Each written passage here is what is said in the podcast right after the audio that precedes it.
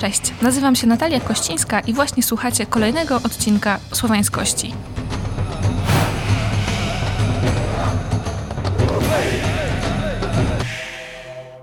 W dzisiejszym odcinku chciałabym opowiedzieć Wam o ukraińskich i białoruskich lalkach obrzędowych, o których często też mówi się po prostu lalki słowiańskie. I tutaj odsyłam Was do pierwszego odcinka, gdzie opowiadałam o tym określeniu słowiański, który zastępuje często te określenia narodowe. Chciałabym też odesłać Was przy okazji do odcinka piątego, tam gdzie opowiadałam o folklorze i o kulturze ludowej i o tym, w jaki sposób ona może funkcjonować dzisiaj współcześnie. Z tymi lalkami to jest w ogóle bardzo ciekawa historia, bo myślę, że spokojnie mogę powiedzieć, że one funkcjonują trochę jak żywa tradycja. Co tutaj mam na myśli? Chodzi mi o to, że bardzo często wiedza na temat tych lalek jest wciąż przekazywana w taki tradycyjny sposób. Opowiem Wam o tym, jak ja spotkałam się z nimi pierwszy raz. We Wrocławiu odbywał się wtedy jarmark, na którym wystawcy prezentowali różne jakieś ekologiczne i tradycyjne wyroby, i na jednym z nich znalazłam właśnie takie lalki motanki. I właścicielka tego stoiska ustnie przekazała mi wiedzę na ich temat, pokazała mi, jak należy je motać, jak należy je wykonywać tak bym ja potrafiła zrobić to sama i mogła też przekazywać innym. I to jest bardzo ciekawe, bo okazuje się, że to nie była odosobniona sytuacja. Wszystkie moje rozmówczynie, z którymi chciałam poruszyć temat tych lalek, żeby one dopowiedziały mi coś więcej, poznawały je właśnie w taki sposób. Spotykały kiedyś kobietę, która opowiadała im o tych lalkach i je uczyła.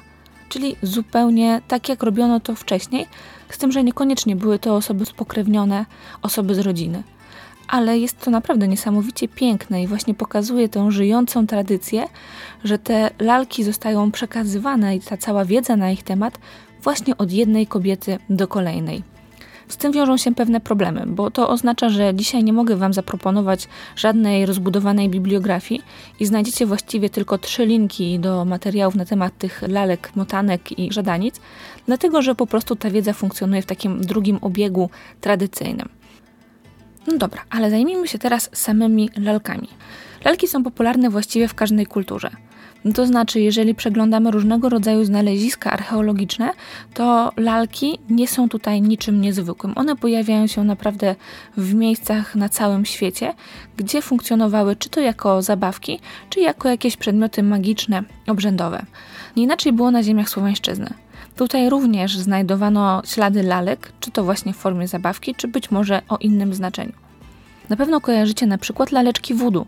To jest świetny przykład na to, że te lalki nie służą i nie służyły tylko jako zabawki, ale miały też zupełnie inną symbolikę, zupełnie inne zastosowanie. I tak było też prawdopodobnie z lalkami słowiańskimi. No oczywiście w większości z tych rzeczy my się tylko możemy domyślać. Ukraińscy badacze, którzy zajmują się tym tematem, np. Marko Gruszewski, Oksana Skrialenko, czy chyba najbardziej znany Aleksander Najden, nie pokazują, że ta lalka to jest w ogóle całe ucieleśnienie symboliki. Jest żywym symbolem symbolu, można tak powiedzieć, ponieważ każdy element tej lalki ma jakieś znaczenie symboliczne. No, my dzisiaj mamy problem z tym, żeby tak naprawdę dosłownie jeden do jednego móc odtworzyć tę symbolikę, ale możemy się jej domyślać. Możemy się też domyślać tego, jak one długo funkcjonują w kulturze, ponieważ trudno znaleźć jakieś jednoznaczne dane na ten temat. Wiadomo, że pierwsze lalki na terenie Ukrainy pochodzą z czasów paleolitycznych. No ale czy to były tylko zabawki, czy to były takie właśnie lalki obrzędowe, trudno powiedzieć. Te obecne lalki, które są najbardziej popularne i które teraz pojawiają się także w popkulturze i właśnie na wszelkiego rodzaju targach, warsztatach itd., tak wiemy, że były wytwarzane na pewno na początku XX wieku. Jak sięgały dalej, trudno powiedzieć. Jest też teoria, że mogły być symbolem, takim właśnie ucieleśnieniem, odtworzeniem Wielkiej Matki, a to oznaczałoby to, że są to naprawdę bardzo stare zwyczaje i sięgają bardzo prymitywnych kultur. Niestety nie ma na to za bardzo dowodów, możemy się jedynie tego domyślać. Tego rodzaju lalki, oprócz tego, że służyły do zabawy lub do obrzędów, miały także znaczenie edukacyjne. Jeden z badaczy, Igor Serdiuk, pisuje, że dziewczynka, kiedy osiągała pewien wiek, dostawała taką swoją lalkę. I ta lalka miała być jej wprawką do macierzyństwa. Ona wszędzie z nią chodziła, musiała nią pilnować, musiała o nią dbać. I w pewnym momencie w bardzo naturalny sposób zabawy z lalką zostały zastępowane przez zabawy z innymi małymi dziećmi, które pojawiały się w domu. Bo przypominam, że na wsiach też w dawniejszych czasach to były domy wielopokoleniowe. Było tam dużo dzieci, dużo osób i dzieci zajmowały się sobą nawzajem, w ten sposób zdobywając doświadczenie w opiece nad innymi młodszymi osobami. Więc mamy tutaj już dwa znaczenia, tak? To obrzędowe, symboliczne, odnoszące się do tej symboliki Wielkiej Matki i drugie edukacyjne, które ma nas nauczyć macierzyństwa opieki nad małymi istotami. W pewnym momencie ta funkcja magiczna lalek została gdzieś zagubiona, bo te lalki, które my kojarzymy, one nam służyły przede wszystkim do zabawy. Były często produkowane masowo w fabrykach, w różnego rodzaju zakładach i ta jej magiczna funkcja została całkowicie gdzieś zatracona. Co ciekawe, także te lalki, o których mówię, lalki motanki, one również w pewnym momencie zatraciły swoją funkcję magiczną i służyły tylko do zabawy. W tym czasie dzieci malowały im twarze kredkami lub tym, co miały pod ręką, żeby jak najbardziej przypominały te lalki sklepowe. W ogóle znaczenie lalek jest bardzo ciekawe, bo mówi się też o tym, że przez to, że one są takie antropomorficzne, że bardzo mocno przypominają człowieka, stanowią też jakąś formę pośrednika pomiędzy ludźmi a naturą, przyrodą. No i dlatego też były wykorzystywane w obrzędach czy rytuałach. I ma to sens, ponieważ w przypadku tych konkretnych lalek słowiańskich było bardzo ważne, żeby do ich wytwarzania stosować naturalne materiały. I nie tylko tkaniny, ale też to, co można było znaleźć na wsi, w okolicy swojego obejścia, zboże, trawy, jakieś patyczki, ziarna itd. Tak Więc te lalki faktycznie przyjmowały kształt człowieka, ale jednocześnie były bardzo mocno, bardzo silnie powiązane z naturą. Mówi się też o tym, że one stanowią taki punkt pomiędzy światem żywych a światem umarłych, pomiędzy przeszłością a przyszłością, że w tych lalkach w pewnym sensie zaklina się duszę przodków i ta lalka gdzieś tam jest właśnie pomiędzy tymi światami. Świadczy o tym też fakt, że w niektórych kulturach były lalki wypełnione popiołem, być może pochodzącym właśnie z całopalenia z stosów pogrzebowych.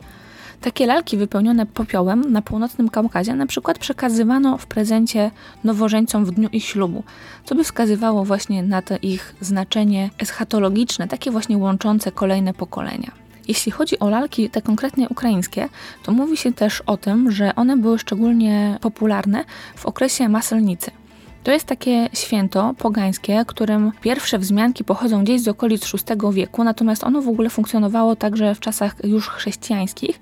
Najpopularniejsze było między IX a XIII wiekiem. No i to jest mniej więcej tydzień przed Wielkanocą.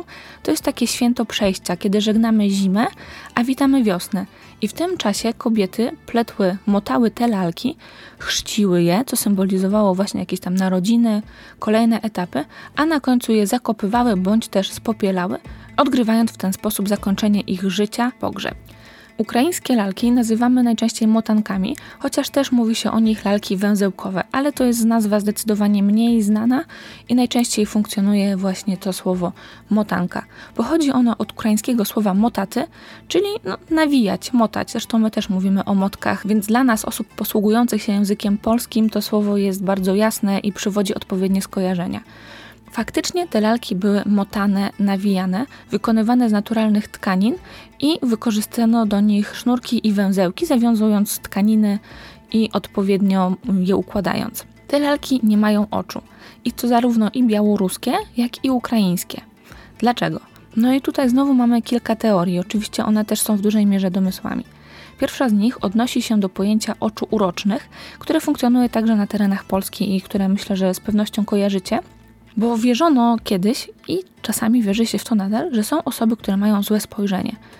Stąd też zresztą na przykład wstążeczki przy wózkach dziecięcych, żeby uchronić dziecko przed takim złym spojrzeniem, które mogłoby rzucić na nie urok. Stąd właśnie to słowo uroczne. Uważano, że oczy to pewne tabu. I właśnie przez to, że za pomocą oczu możemy świadomie bądź nie rzucić na kogoś klątwę, sprawiło, że te lalki oczu nie miały. Druga teoria z kolei wiąże się z tym, co do tej pory uważamy, że oczy w jakiś sposób są zwierciadłem duszy. I bardzo ważne było to, żeby ta lalka duszy nie miała, ponieważ wtedy może się skupić na swoich własnych życzeniach i pragnieniach i zapomnieć o tym, w jakim celu została stworzona. No i jest jeszcze trzecia teoria, najbardziej prozaiczna, która mówi o tym, że po prostu nie było odpowiednich narzędzi do tego, żeby te oczy zrobić, twarz narysować, namalować bądź też wyszyć, bo guziki czy koraliki były stosunkowo drogie, a nie mieliśmy takich narzędzi jak chociażby kredki, którymi dzisiaj można byłoby tę twarz narysować, tak jak robiły to w późniejszym czasie dzieci, żeby lalki przypominały jak najbardziej te sklepowe. A w jakiej roli funkcjonują te lalki dzisiaj? Już wspomniany wcześniej Aleksandr Najden mówi, że ta funkcja magiczna przeszła najpierw tę funkcję zabawową, aby znowu do tej funkcji magicznej wrócić, ale raczej nie w tym swoim prawdziwym, pierwotnym, magicznym znaczeniu, co raczej takiej magicznej zabawy dla dorosłych. Coś w tym jest. Mówi się też, że tworzenie tych lalek jest jakąś formą autoterapii. Dlaczego? Dlatego, że zarówno lalki motangi ukraińskie, jak i białoruskie żadanice tworzy się najczęściej w jakiejś intencji. Chodzi o to, żeby przelać w tę lalkę jak najwięcej pozytywnej energii. W tym momencie, kiedy faktycznie mamy jakieś życzenie do spełnienia, musimy przede wszystkim umieć je określić.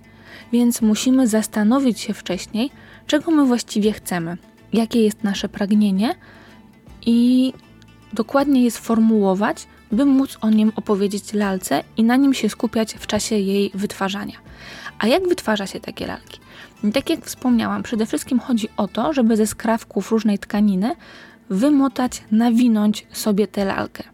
To, co jest ważne, nie należy używać żadnych ostrych przedmiotów, nożyczek, noży itd. Tak z tego powodu, że w ten sposób możemy przeciąć bądź też nakłuć los, a tego nie chcemy robić. W trakcie wytwarzania lalki należy też skupiać się na pozytywnych emocjach, żeby właśnie one tę lalkę wypełniały. Z tego też powodu te lalki często są bardzo fajnym pomysłem na prezent, dlatego że kiedy je wytwarzamy własnymi rękami, to naprawdę myślimy dobrze o tej osobie i jest ona naładowana pozytywną energią. Oczywiście nie mówię o takim w sensie magicznym, czy faktycznie jakimś ezoterycznym, to po prostu o tym, że dajemy ją komuś z dobrą intencją, z życzeniami naprawdę wszystkiego dobrego, wszystkiego najlepszego. Bardzo ciekawe jest też to, że w ostatnich czasach w Ukrainie pojawił się zwyczaj wysyłania tych lalek motanek na front do żołnierzy. Bo na pewno słyszeliście, że na wschodzie Ukrainy, na Donbasie toczy się cały czas wojna i ciągle przebywają tam ukraińscy żołnierze. I gdzieś w pewnym momencie pojawił się taki pomysł, żeby uczniowie w szkołach bądź też różni wolontariusze przygotowywali takie lalki i wysyłali je następnie na front na wschód. Ten pomysł okazał się bardzo trafiony z kilku różnych powodów. Dla żołnierzy obecnych na froncie, na tych terenach ogarniętych wojną, jest to sygnał, że ktoś o nim myśli. Jest to jakaś forma wysłania komuś tej pozytywnej energii, pozytywnych myśli i pokazania tego, że jest ważny. Z drugiej strony mówi się też o tym, że te lalki przypominają im to, co zostawili w swoich domach, swoje rodziny, swoje dzieci, swoje żony i jest to też forma amuletu, który miałby ich chronić i zapewnić im bezpieczny powrót do domu. To wiąże się bardzo mocno z tradycjami tych lalek, ponieważ chociażby takie lalki białoruskie, podróżniczki, często właśnie miały pełnić taką funkcję ochronną, zapewniać ten bezpieczny powrót, bo one miały ze sobą grudkę ziemi właśnie z tych terenów domowych i miały zapewnić bezpieczną podróż i przede wszystkim ten powrót do domu. Stąd też te lalki podróżniczki, bardziej z białoruskiej niż z ukraińskiej kultury, są tutaj bardzo popularne. Z kolei dla uczniów, którzy przygotowują te lalki, jest to niesamowita lekcja o ich kulturze ludowej, o ich tożsamości narodowej, ale także patriotyzmu, ponieważ te dzieci, oprócz tego, że same te lalki motają, dostają też jakiś pakiet informacji na temat ich zwyczajów, ich tradycji, tego skąd te lalki w ogóle się wzięły i dzięki temu pojawia się jakaś ciągłość informacyjna czy nawet tożsamościowa. Często zresztą te lalki są wytwarzane w barwach narodowych, błękitnym i żółtym, często też mają jakieś symbole narodowe. Przy okazji też tej akcji wysyłania lalek motanek żołnierzom pojawiła się jeszcze jedna ciekawa rzecz. To znaczy, kiedy odbywały się różnego rodzaju warsztaty związane z tymi lalkami, to brały w nich udział często właśnie osoby pochodzące z tych terenów okupowanych, które musiały wyjechać. I one nauczyły się motania tych lalek, brały udział w warsztatach, po czym szły dalej i uczyły kolejne osoby. Czyli mamy tutaj dokładnie to, o czym mówiłam na samym początku, tę żywą tradycję, że te lalki wróciły właśnie do tej formy przekazywania jej właśnie w sposób ustny od jednej osoby do kolejnej i one w ten sposób tak wędrują. Zresztą te lalki są przygotowywane w różnych regionach Ukrainy i też budzą w ludziach jakieś takie poczucie patriotyzmu i wspólnoty. Oprócz tych ukraińskich lalek, o których właściwie opowiadam cały czas, mamy też lalki białoruskie. Wszystko, co powiedziałam na temat znaczenia czy historii lalek, możemy jak najbardziej odnieść też do lalek białoruskich. Wśród lalek białoruskich wyróżnia się kilka ich rodzajów. Te najbardziej podstawowe to żadanice, o których już mówiłam, czyli lalki spełniające życzenia powinno się je motać, skupiając się na tym życzeniu. I według tradycji, kiedy uda nam się już osiągnąć to, co sobie zakładamy, ta lalka nie jest nam już dłużej potrzebna. Ona wykonała swoje zadanie, w związku z czym należy ją spalić lub zakopać. Po prostu pozwolić jej odejść. Są też lalki ziarnuszki. Lalki ziarnuszki pełnią funkcję ochronną, mają chronić dom, obejście i całą rodzinę przed złem i powinny w związku z tym znajdować się w centralnym punkcie domu. Są wypełnione ziarnami i mają taki bardzo pękaty kształt jako symbol obfitości. Są lalki przejścia. Lalki przejścia były najsilniej związane z kobietami przygotowującymi się do zamąż pójścia. Ta lalka z jednej strony była właśnie wyposażona w atrybuty panieńskie, ale po przewróceniu jej do góry nogami miała już elementy związane właśnie z zamąż pójściem. Już wyglądała zupełnie inaczej. Jest to ten symbol zmiany tego przejścia, które w tym momencie się dokonywało. W tematach ślubnych pojawiają nam się jeszcze lalki nierozłączki, czyli dwie lalki, jedna symbolizująca kobietę, druga mężczyznę najczęściej, o wspólnym ramieniu i najczęściej stosuje się jako prezenty ślubne, które mają właśnie dawać tę siłę małżonkom do wspólnego życia. Są jeszcze lalki karmicielki, czyli lalki z dosyć dużym biustem, które są przeznaczone przede wszystkim dla matek i wiesza się je na szyi, żeby one gdzieś zawsze były w okolicy, zawsze blisko. Były też wspomniane już przeze mnie lalki podróżniczki, które trzymały woreczek z grudką rodzinnej ziemi. One miały za zadanie opiekować się podróżnymi i zapewniać ten bezpieczny powrót do domu. Jak się okazuje, te lalki stają się znowu popularne. One wracają do nas w trochę innej formule, tak jak to powiedział Aleksander Naiden. Ta ich funkcja magiczna ewoluowała w zabawę dla dorosłych, ale często są świetnym prezentem właśnie ze względu na ten nacisk na dobre intencje, na pozytywną energię, którą należy mieć w sobie, kiedy taką lalkę się mota. To jest też świetny element autoterapii, tak jak to już było powiedziane. Tworzenie tych lalek zmusza nas do zastanowienia się nad swoimi pragnieniami, nad swoim życiem, nad tym, co chcielibyśmy osiągnąć. A oprócz tego są po prostu ładne. Ja sama mam jedną, sama sobie zamotałam taką ukraińską lalkę, która też jest charakterystyczna dlatego, że zamiast twarzy ma krzyż złożony z kolorowych nitek. Teoretycznie tej lalki nie powinnam robić dla siebie. W przypadku tych ukraińskich lalek motanek jest powiedziane, że raczej one powinny być tworzone dla kogoś, w prezencie, właśnie z tymi dobrymi życzeniami. No, ja akurat zamotałam ją dla siebie, no bo sobie też przecież życzę wszystkiego dobrego i Wam również. Gdybyście chcieli kiedyś wziąć udział w warsztatach motania takich lalek, czy ukraińskich motanek, czy białoruskich żadanic, to w opisie do podcastu znajdziecie kilka kontaktów osób, których warto się w tym temacie zgłosić. U nich też możecie kupić te lalki po prostu, czy to dla siebie, czy właśnie dla kogoś, komu życzycie jak najlepiej. A my słyszymy się już za tydzień. Do usłyszenia.